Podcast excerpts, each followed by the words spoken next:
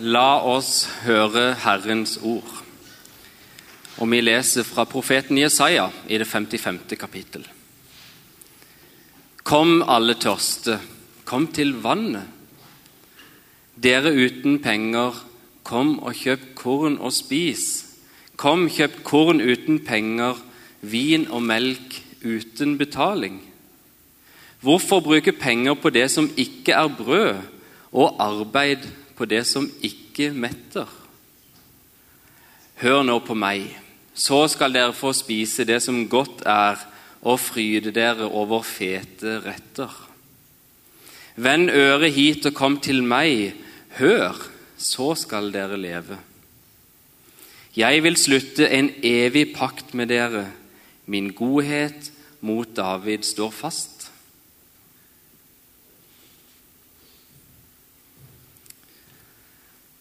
Vi leser videre fra evangeliet etter Johannes i det fjerde kapittel. Han måtte reise gjennom Samaria, og der kom han til en by som het Sykar, like ved det jordstykket Jakob ga sin sønn Josef. Der var Jakobskilden. Jesus var sliten etter vandringen, og han satte seg ned ved kilden. Det var omkring den sjette time. Da kommer en samaritansk kvinne for å hente vann. Jesus sier til henne, 'La meg få drikke'. Disiplene hans var nå gått inn i byen for å kjøpe mat.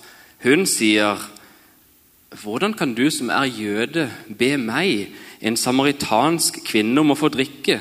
For jødene omgås ikke samaritanerne. Jesus svarte, om du, om du hadde kjent Guds gave og visst hvem det er som ber deg om drikke, da hadde du bedt ham, og han hadde gitt deg levende vann. Herre, sa kvinnen, du har ikke noe å dra opp vann med, og brønnen er dyp. Hvor får du da det levende vannet fra? Du er vel ikke større enn vår stamfar Jakob? Han ga oss brønnen, og både han selv, sønnene hans og buskapen drakk av den. Jesus svarte. Den som drikker av dette vannet, blir tørst igjen. Men den som drikker av det vannet jeg vil gi, skal aldri mer tørste. For det vannet jeg vil gi, blir i ham en kilde med vann som veller fram og gir evig liv. Kvinnen sier til ham, Herre, gi meg dette vannet så jeg ikke blir tørst igjen og slipper å gå hit og hente opp vann. Da sa Jesus til henne, 'Gå og hent mannen din, og kom så hit.' 'Jeg har ingen mann', svarte kvinnen. 'Du har rett når du sier at du ikke har noen mann', sa Jesus, 'for du har hatt fem menn, og han du nå har, er ikke din mann.' 'Det du sier, er sant.' 'Herre, jeg ser at du er en profet.' Sa kvinnen. Våre fedre tilba Gud på dette fjellet, men dere sier at Jerusalem er stedet der en skal tilbe. Jesus sier til henne, Tro meg, kvinne, den time kommer da det verken er på dette fjellet eller i Jerusalem dere skal tilbe Far.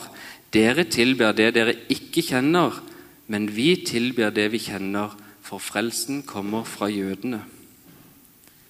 Men den time kommer, ja, den er nå, da de sanne tilbedere skal tilbe Far i ånd og sannhet. For slike tilbedere vil Far ha. Gud er ånd, og den som tilber ham, må tilbe i ånd og sannhet. Jeg vet at Messias kommer, sier kvinnen. Messias er det samme som Kristus. Og når han kommer, skal han fortelle oss alt. Jesus sier til henne, 'Det er jeg, jeg som snakker med deg.' Slik lyder Herrens ord.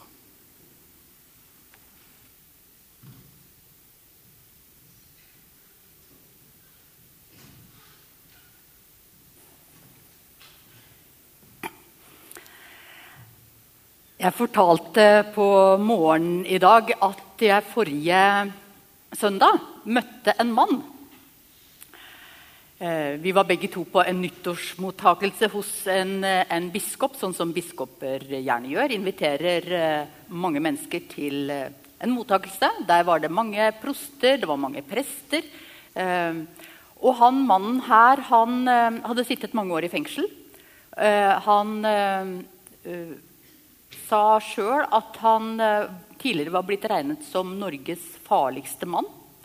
Og så sa han Han skulle være med i en sofasamtale. Og så sa han eh, Da jeg kom inn her, så tenkte jeg oi, her var det mange med lang CV. Men jeg har nå i hvert fall et lengre rulleblad enn alle de andre her. Eh, sånn kan det oppleves litt å tale i storsalen. Eh, mitt rulleblad som politiet kjenner til, er ikke så langt. Eh, men den lista jeg stiller meg overfor Gud, den er lam lang eh, og ikke så pen. Det kan gjøre at jeg noen ganger føler meg veldig liten. I dag tidlig så var jeg ganske urolig før jeg skulle tale. Men så var det da også fint, for Bertel ga meg god trøst. Han sa at teksten er så fin, Ann Birgitta, så det er begrenset hvor galt det kan gå. Så her står jeg, av Guds nåde og av Bertels velvilje. Men vi ber sammen. Kjære gode mester, kjære Jesus. Takk for at eh, du er her, at du ønsker å møte oss nå.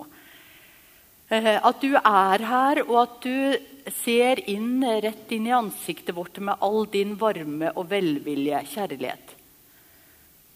Og Jesus, jeg ber om at vi skal eh, tørre å være stille, tørre å møte deg.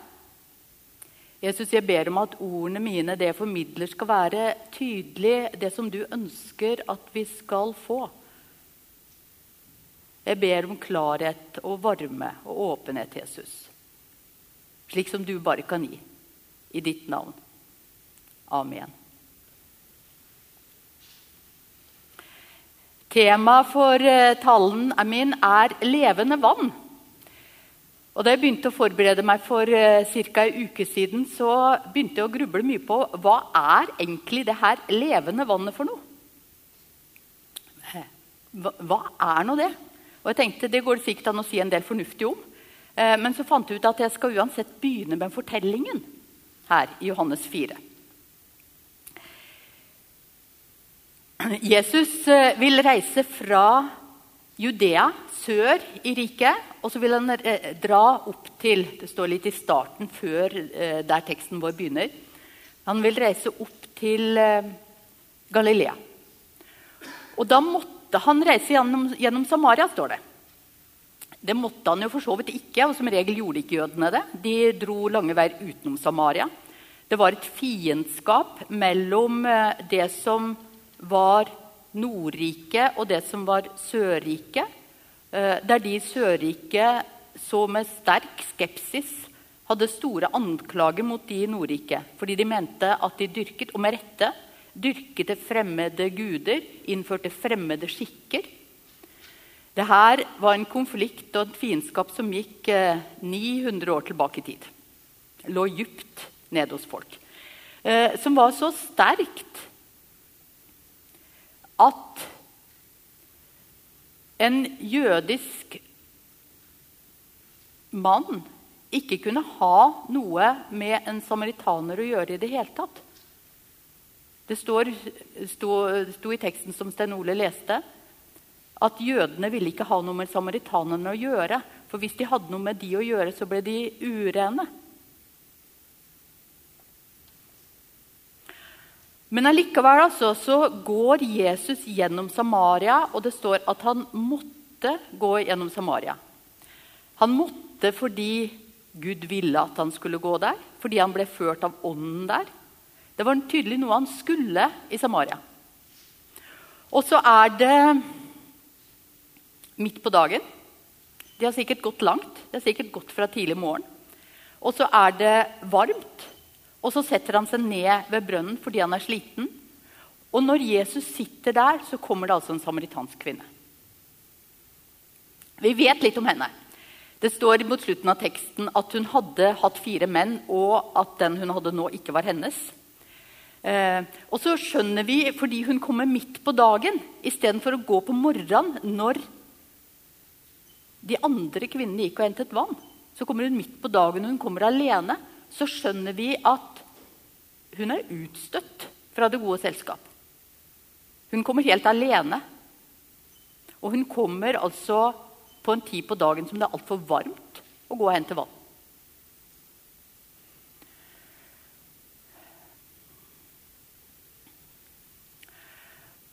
Hva slags eh, erfaringer har du av å være utstøtt, ekskludert fra vennegjeng eller fra det gode selskapet på en eller annen måte? Fra å ikke bli regnet med? Da jeg begynte med den teksten her nå, så, så måtte jeg gå litt tilbake og husket hvordan jeg opplevde det da jeg ikke var regnet med.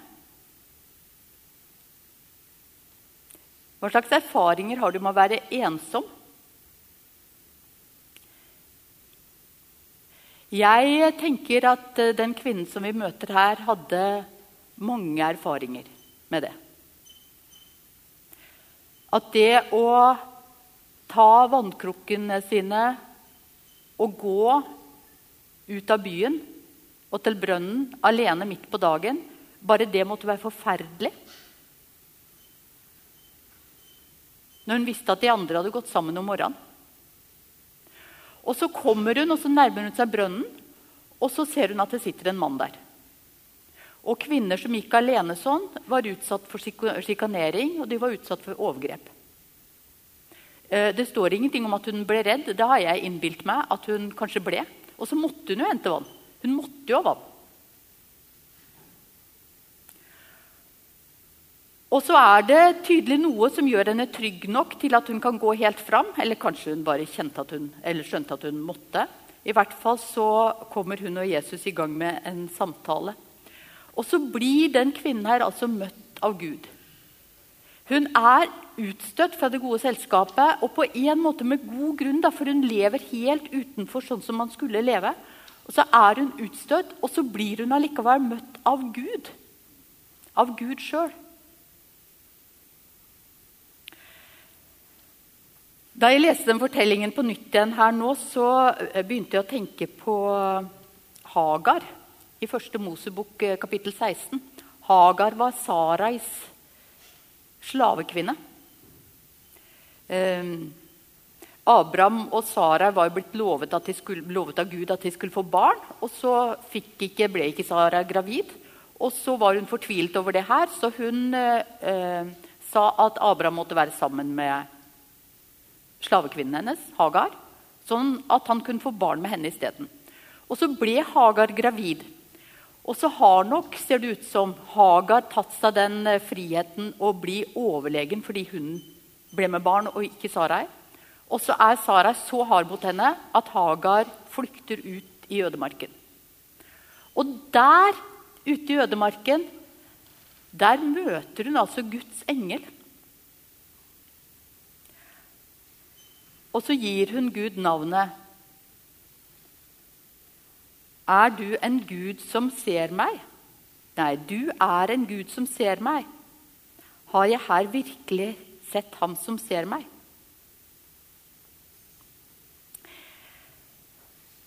Jeg tenker begge de to kvinnene her hadde livsforvandlende møter med Gud. En enorm oppreisning.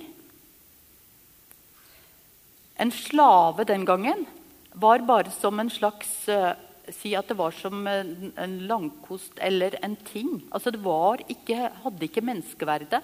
Og allikevel så ble hun møtt av Guds engel. Kvinnen ved brønnen var utstøtt. Og så møter Jesus henne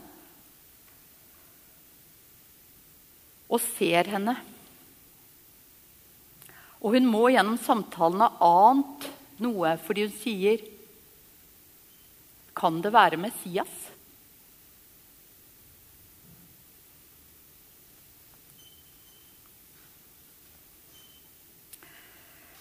Men hva er dette her levende vannet? som Jesus snakker om i teksten. Hva er det levende vannet? Jeg har lett for å trekke til hodet først når jeg skal begynne å forberede meg. Um, og Harald spurte ganske tidlig om å få noen uh, punkter, så jeg satte meg ned og skrev ned noen punkter og sendte. Og så så jeg, når jeg leste de punktene, så tenkte jeg at det her kan umulig bli noen tale ut av. For det jeg hadde tenkt, var at først skal jeg ha en innledning om kvinnen og den her oppreisningen som hun får ved å møte Jesus. Og så etterpå så skal jeg snakke om selve hovedtemaet, som er innholdet i fortellingen, det med det levende vann. Og så, plutselig, så skjønte jeg Det levende vannet, det er jo selve møtet mellom Jesus og kvinnen. Det er det levende vannet. Hvordan Jesus møter henne, hvordan han tar imot henne, det er det levende vannet. At han i samtalene med henne gir seg sjøl til henne. At han ser henne. At han viser at han ser livet hennes, men han aksepterer henne allikevel. Det er det levende vannet. Og vi ser det på kvinnens reaksjon senere. Hun lar vannbøttene stå, vannkrukkene stå, og så går hun tilbake til landsbyen og så sier hun Kom og se en som har fortalt meg alt jeg har gjort. Han skulle vel ikke være Messias?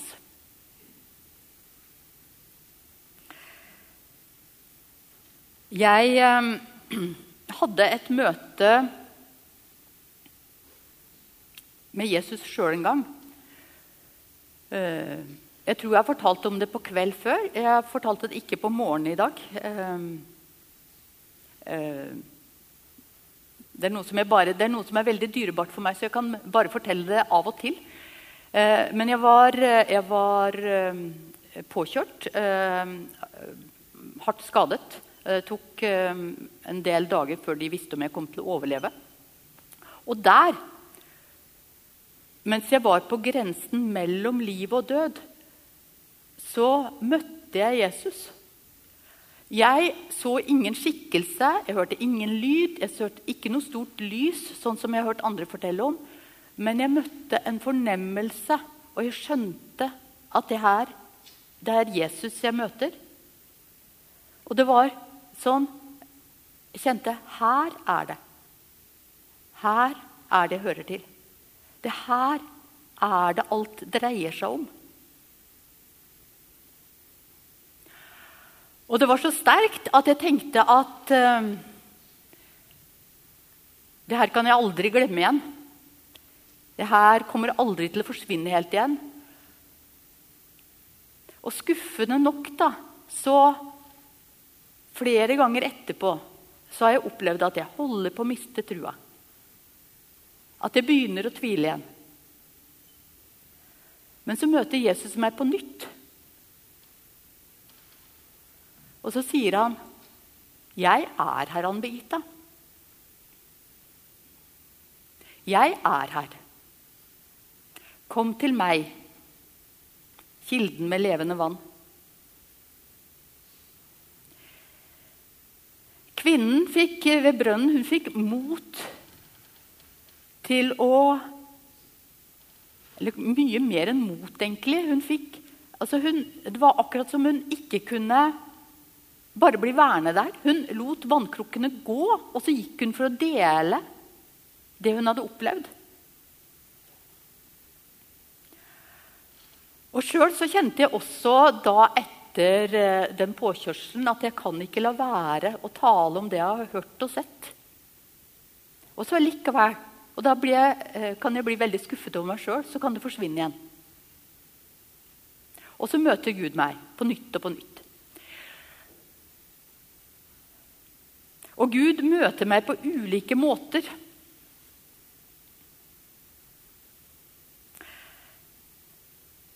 En av de første møtene som jeg husker eh, bevisst, var da jeg var tolv år gammel eh, og ble mobbet på skolen. Utestengt, som jeg snakket om i stad, fra det gode fellesskapet. Da møtte Gud meg med en salme av Lina Sandell. Selv han er meg alle dager nære.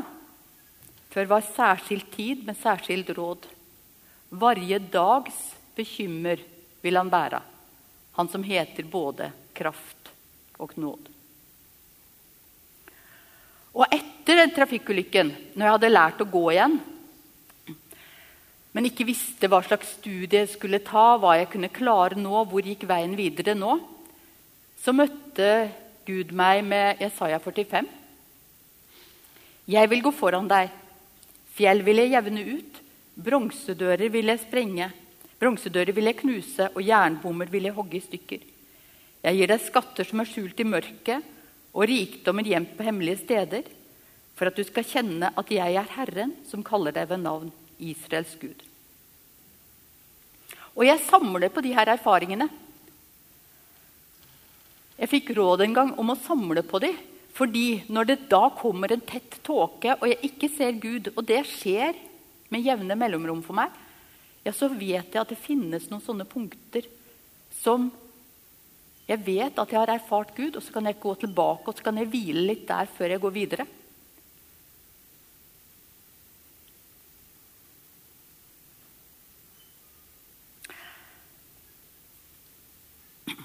Hva er det her levende vannet? Det vi ser tydelig i Bibelen, er at det er Gud som er kilden. Gud er kilden, og han ønsker oss å øse utover oss det dette møtet med seg, slik at vi skjønner ja, men det er hos han vi hører til. Du er velkommen hjem, barnet mitt. Dere husker sikkert eh, lignelsen Jesus forteller om sønnen som tar med seg farsarven og stikker av med den, med alle pengene. Og så bruker han opp alt. Og så han, må han livnære seg med å sitte hos grisene og spise det samme som grisene fikk. Og så finner han ut etter hvert at han skal begi seg på vei hjemover. Og Det nydeligste i den fortellingen der tenker jeg er når Han går hjemover, og så står far der i utgangspunktet og kommer løpende mot ham for han har stått og sett etter ham. Og så omfavner han ham og ønsker han velkommen hjem og lager en fest. Sånn er det også når du vender tilbake, når du beveger deg mot Gud, når du vil hjem. Så står han der, og så kommer han løpende mot deg. Og så omfavner han deg, og så sier han 'velkommen hjem'. Det er her du hører til, barnet mitt. Hos meg. Det er det levende vannet å være sammen med Han. Og Det er utall måter som vi kan være sammen med, med Gud på. Men fellesskap er viktig. Nattvern er viktig. Bønn er viktig. Og på en eller annen måte lese eller få Bibelen forkynt er viktig. Men som eh, en klok dame sa til meg i høst, når jeg syntes det var veldig vanskelig å be så sa hun det er noe som heter 'be som du kan, og ikke som du ikke kan'. Og Det syns jeg har vært god hjelp. Be som du kan, og ikke som du ikke kan. Gud er kilden til det levende vannet. Han som er alle tings skaper, alle tings fullender. Han er kilden. Han ønsker å øse det utover oss.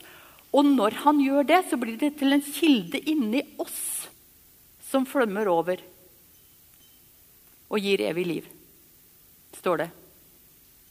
Og denne, det her levende vannet er også som en sevje. Når vi leser Johannes 15, det er som en sevje som gjør at det vokser frukt. Og frukt som vokser, det er jo ikke noe som jeg skal ha sjøl. Altså, Epletreet gleder seg veldig lite over sin egen frukt. Det er de som går forbi, som har glede av den frukten av eplene. Så sannsynligvis så vil du ikke se sjøl at det vokser god frukt. Men andre mennesker vil se det. Og takke Gud for det og for deg.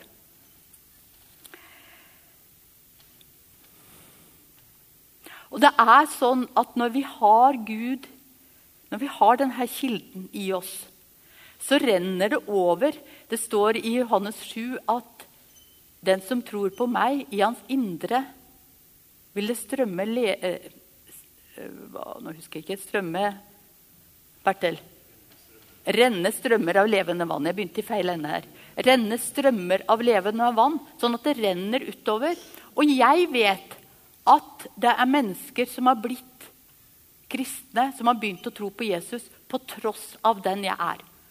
Og som har sagt at det egentlig er på tross av den jeg er. Som har vært i nærheten av meg, og som på en måte har sett så tydelig at ja, men jeg lever ikke et kristent, fullkomment liv på noen som helst slags måte. Men det går an å se allikevel at jeg har noe. Og som har sagt at derfor så ville de ha tak i det. Og det syns jeg er så skuldersenkende godt. Det betyr at jeg ikke trenger å anstrenge meg. Fordi det flommer over til andre. Og på den andre siden så må jeg jo anstrenge meg. Fordi det, det, er jo noe med å leve godt for andre mennesker. Det er viktig å leve godt for andre mennesker. Det levende vannet, hva er det? Et par ting til. I fortellingen er det tydelig Jesus var der først. Og husk det hvis du søker Jesus. Altså Jesus er der først, og han tar deg imot når han kommer. Det er ikke sånn at du trenger å rope høyt eller noe som helst. Jesus er der først. For det andre Jesus rekker kvinnen, tilbyr kvinnen det levende vannet midt i det kaoset hun opplever. Det er ikke sånn at du trenger å få orden på livet ditt, og så tilbyr Jesus deg det levende vannet. Det er fordi det ikke er orden på livene våre. For de har denne milelange lista mi med grums.